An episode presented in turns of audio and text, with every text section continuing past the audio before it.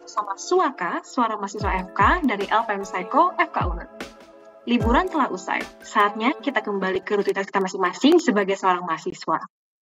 Nah, sembari menjalani dan juga mencoba beradaptasi dengan semester baru di kampus, tidak ada salahnya bukan untuk mendengarkan podcast Suaka sembari menjalani kegiatan. Karena tentunya podcast Suaka tidak pernah lupa untuk tetap menyapa Sobat Suaka melalui episode yang baru yang selalu asik dan juga menarik di setiap episodenya. Di bulan September ini, kira-kira topik apa lagi yang akan kita bahas? Nah, Sobat Swasta sudah siap belum untuk menyimak bersama?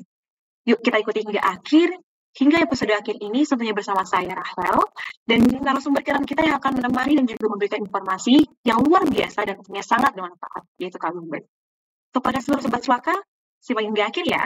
Apakah Sobat Swaka tahu, di bulan September ini, tepatnya pada tanggal 29 September nanti, ditetapkan sebagai World Heart Day, atau Hari Jantung Sedunia yang dicetuskan pada tahun 2000 oleh World Heart Federation dalam upaya untuk menggait atensi dan juga kesadaran masyarakat terkait dengan masalah-masalah kesehatan pada jantung dan juga penyakit-penyakitnya. Dan melalui website dari Awareness Day, pada penyakit hari jantung sedunia ini sekaligus menjadi kesempatan untuk memberikan informasi mengenai pencegahan dan juga anjuran perubahan gaya hidup dalam mencegah penyakit jantung. Nah, kira-kira apa ya temanya? Sobat Swaka, mengangkat topik mengenai Hari Jantung Sedunia ini, kira-kira Sobat Swaka tahu tidak data yang didapatkan oleh Organisasi Kesehatan Dunia atau WHO bahwa kematian disebabkan oleh penyakit jantung ini merupakan penyebab kematian terbesar di dunia, di mana penyakit jantung koroner berada di puncak sebagai penyakit yang paling tinggi menyebabkan kematian. Tapi sebelum lanjut dulu nih, apakah Sobat Swaka tahu apa itu penyakit jantung koroner? Dan kedengaran kok serem banget ya? Kira-kira penyebabnya apa ya yang mendasari? apakah perilaku tidak sehat seperti tidak, tidak menjaga pola makan yang sehat, atau mungkin kecanduan merokok, jarang berolahraga, atau kira-kira apa ya kira-kira ciri-cirinya atau gejalanya apabila kita mengalami penyakit jantung koroner. Nah, tanpa berlama-lama lagi, kita akan membahas topik ini bersama dengan Pak Gilbert yang merupakan ketua dari organisasi Koronari FKU. Nah, selamat sore Kak, Gilbert. Halo, selamat sore. Oke, mungkin kira-kira kabarnya gimana nih Kak? Uh, masih aman biarpun udah diterjang berbagai macam blok ya. udah mulai masih sehat. Ya, udah mulai sibuk ujian ya kak ya sekarang. Iya, iya udah persiapan ujian ya. Oke, mungkin kabarnya gimana kak? Apakah udah siap untuk memberikan informasi kepada sobat suaka? Super siap dong pastinya, nggak sabar justru. Oke kak, jadi sebelum kita mendalami lagi ke topiknya, sekarang saya mungkin agak sedikit uh, mau nanya, misalnya secara singkat saja mengenai organisasi koronari FKU. Mungkin kakak bisa jelaskan kak mengenai gambarannya atau mungkin fungsi-fungsi yang ada di dalam organisasi koronari FKU ini. Oke, jadi sebelumnya hai guys, kenalin aku Wilbert. Aku di sini sebagai pendiri dan juga ketua Coronary Cardiovascular Club tahun ini. Nah, jadi Coronary Cardiovascular Club atau gampangnya sebut Coronary lah ya. Itu apa sih? Prinsipnya cuman lembaga yang isinya perkumpulan orang-orang yang suka kardiovaskular. Prinsipnya itu. Jadi kita belajar bareng, kita dapat lecture-lecture bareng dari dokter-dokternya dan lain sebagainya. Kita semua bahas di dalam coronary ini. Gitu. Buat teman-teman yang tertarik mungkin ke kardio, tapi di PSSK aja ya. Kita masih buka buka buat PSSK aja. Nanti di awal tahun 2024 kita bakal ada penerimaan rencananya. Jadi stay tune aja bisa follow-follow IG Coronary at Coronary Unit.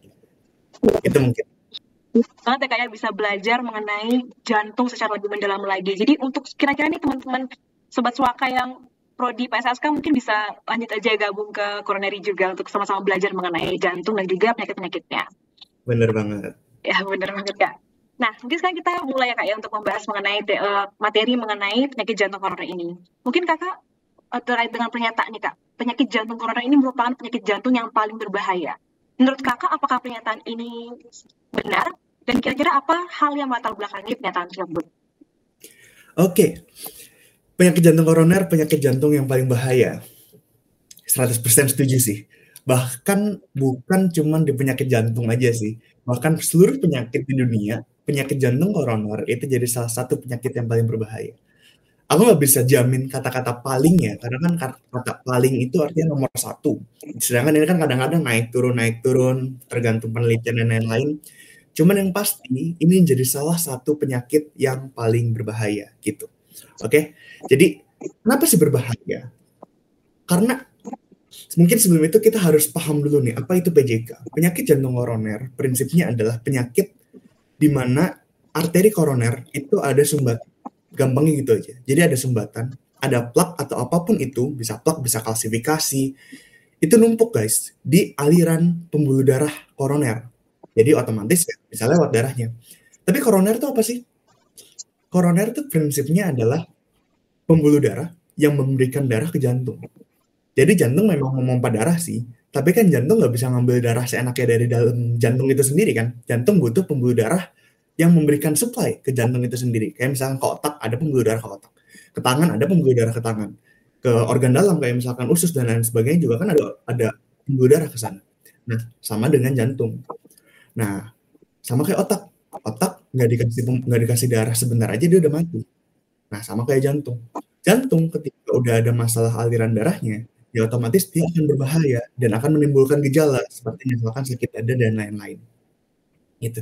Jadi pasti ini salah satu penyakit yang berbahaya gitu ya. Karena ya otak aja nggak dikasih darah sebentar mati apalagi jantung. That's why kenapa organisasi yang aku bentuk namanya koronari guys. Karena tanpa koronari manusia tidak akan bisa hidup. Tanpa pembuluh darah koronari kita mati guys pembuluh darah kalau narik kesumbat 100% ya udah berarti kita 100% meninggal juga gitu ya. Nah, tapi koronari uh, penyakit jantung koroner atau coronary heart disease ini juga banyak ya. Aku mungkin tadi sempat cari-cari juga, misalkan ada yang kronik, ada yang akut. Kronik itu stabil ya, akut itu yang nggak stabil bisa dibilang akut juga banyak jenisnya, ada yang dengan ST elevasi dan lain sebagainya. Tapi secara umum semuanya pasti bahaya.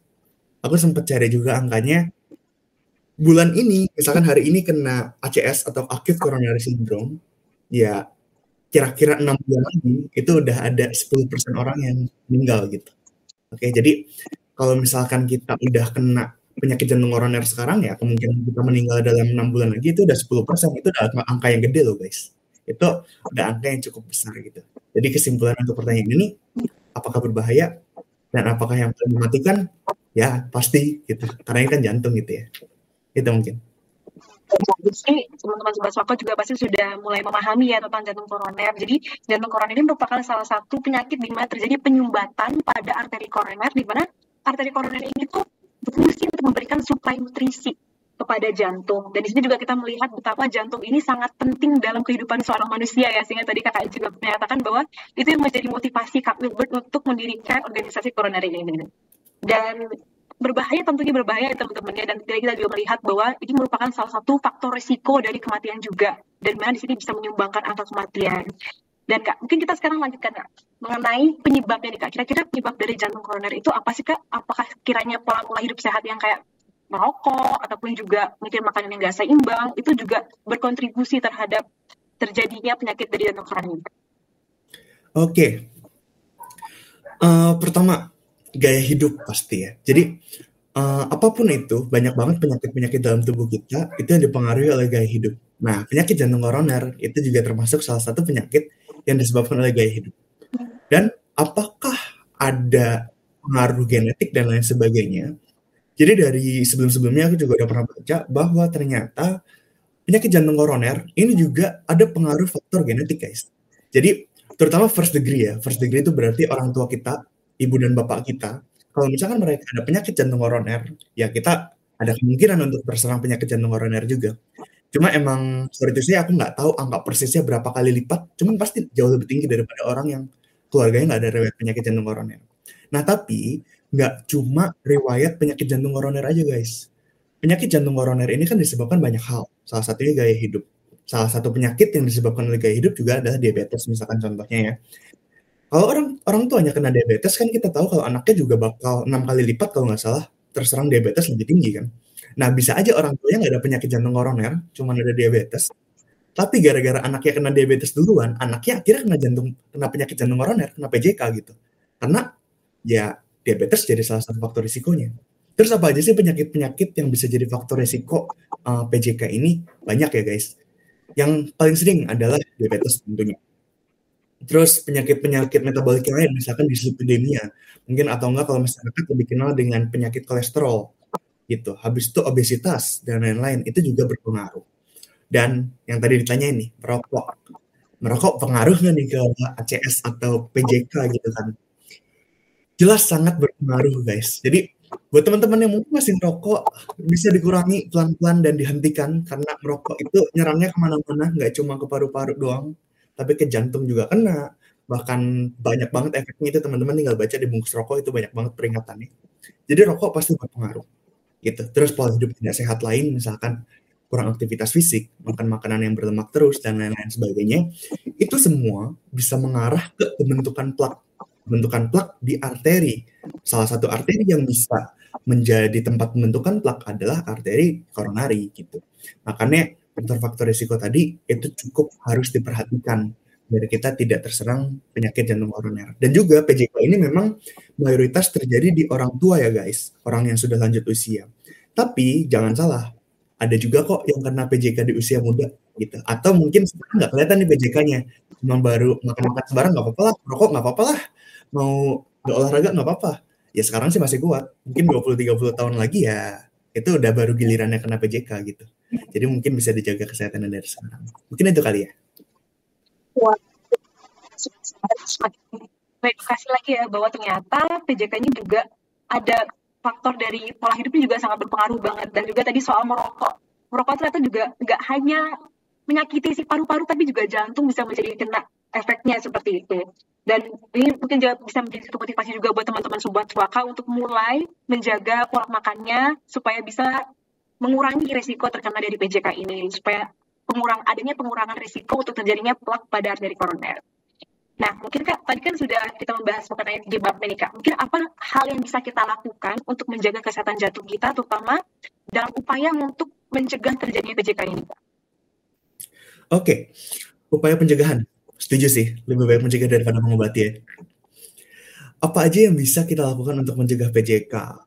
Banyak sih guys, tapi sebenarnya simple simple tapi susah dilakuin sih emang, yaitu melakukan pola hidup sehat. Prinsipnya itu aja. Kita cegah penyakit-penyakit yang tadi. Itu kalau penyakit yang dikumpulin namanya sindrom metabolik ya. Jadi kayak diabetes, uh, kolesterol, dislipid ya, terus kayak hipertensi juga, obesitas dan lain itu bisa kita bilang sebagai sindrom metabolik. Nah, sindrom metabolik ini ujung-ujungnya adalah PJK. Jadi, cara kita mencegah satu-satunya adalah dengan pola hidup sehat. Oke, jadi dengan pola hidup sehat kita bisa mencegah banyak banget penyakit makanlah makan makanan yang sehat, uh, jangan terlalu banyak, tapi jangan terlalu sedikit juga nanti malah kurang gizi. Terus olahraga yang teratur dengan intensitas yang baik, jangan terlalu memaksakan diri. Nanti kalian masuk UGD bisa jadi. Emang sih nggak masuk ICU gara-gara PJK, tapi kalian masuk UGD kalau misalkan uh, kalian olahraga terlalu capek gitu kan. Ya olahraga aja yang oke. Ya, sesuai dengan anjuran 30 menit sehari, 160 menit per minggu gitu itu bisa dilakukan. Kemudian uh, yang tadi makan makanan sehat, yang makan makanan yang berlemak sekali-kali nggak apa-apa lah, makan makanan jeruk sekali-kali nggak apa-apa lah. Tapi jangan jadiin itu makanan tiap hari. Pagi makan apa ya? Pagi siang sore makan makanan yang berlemak, paginya babi, siangnya babi, malamnya babi, ya udah jelas itu mah bentar lagi juga kena BJK gitu kan. Jadi bisa nih dimulai dengan makan makanan yang sehat, makan makanan yang eh, bernutrisi dan juga beraktivitas fisik terutama dan juga kurangin dengan uh, apa kayak misalkan kebiasaan-kebiasaan buruk. Seperti misalkan rokok itu juga satu kebiasaan yang harus banget dikurangi mungkin itu kali ya. Mencegah terjadinya penyakit PJK tadi seperti menghindari merokok dan juga kita bisa mengonsumsi makan-makanan yang sehat bisa mengurangi mengurangi ya teman-teman. Mengurangi makan makanan yang berlemak dan juga kita bisa olahraga dengan intensitas yang sesuai dengan kemampuan kita juga. Nggak usah terlalu tinggi, tapi juga ya sesuai dengan kemampuan kita saja. Supaya menjaga kesehatan kita juga ya tidak memperparah. Mungkin kan sekian saja pertanyaan dari kita. Mungkin sekiranya ada hal yang ingin kakak sampaikan sebelum kita menutup podcast kali ini, Kak? Oke, okay, mungkin ada kali ya, last speechku. Uh, perlu kita ingat teman-teman, bahwa kita cuma punya satu jantung. Jantung itu adalah nyawa kita. Jadi pertahankanlah jantung kita seakan-akan kita mempertahankan nyawa. Siapa orang yang mau mati? Pasti semua orang pengen hidup, bukan? Maka dari itu kita harus mempertahankan nyawa kita. Ya salah satu dengan caranya dengan mempertahankan jantung kita. Gimana cara mempertahankan jantung kita? Dengan pola hidup yang sehat. Jadi ayo kita sama-sama mengubah pola hidup kita menjadi pola hidup sehat di hari jantung sedunia ini. Dan semoga hari jantung sedunia ini bukan hanya berlaku satu hari, tapi kita bisa mengenangnya sebagai hari-hari istighfari, hari normal aja dari normal dari normal yang kita terapkan kita hidup sehat sehingga kita bisa mencegah bukan hanya penyakit PJK tapi banyak penyakit lain yang bisa kita cegah dengan pola hidup sehat. Mungkin sekian dari aku. Terima kasih.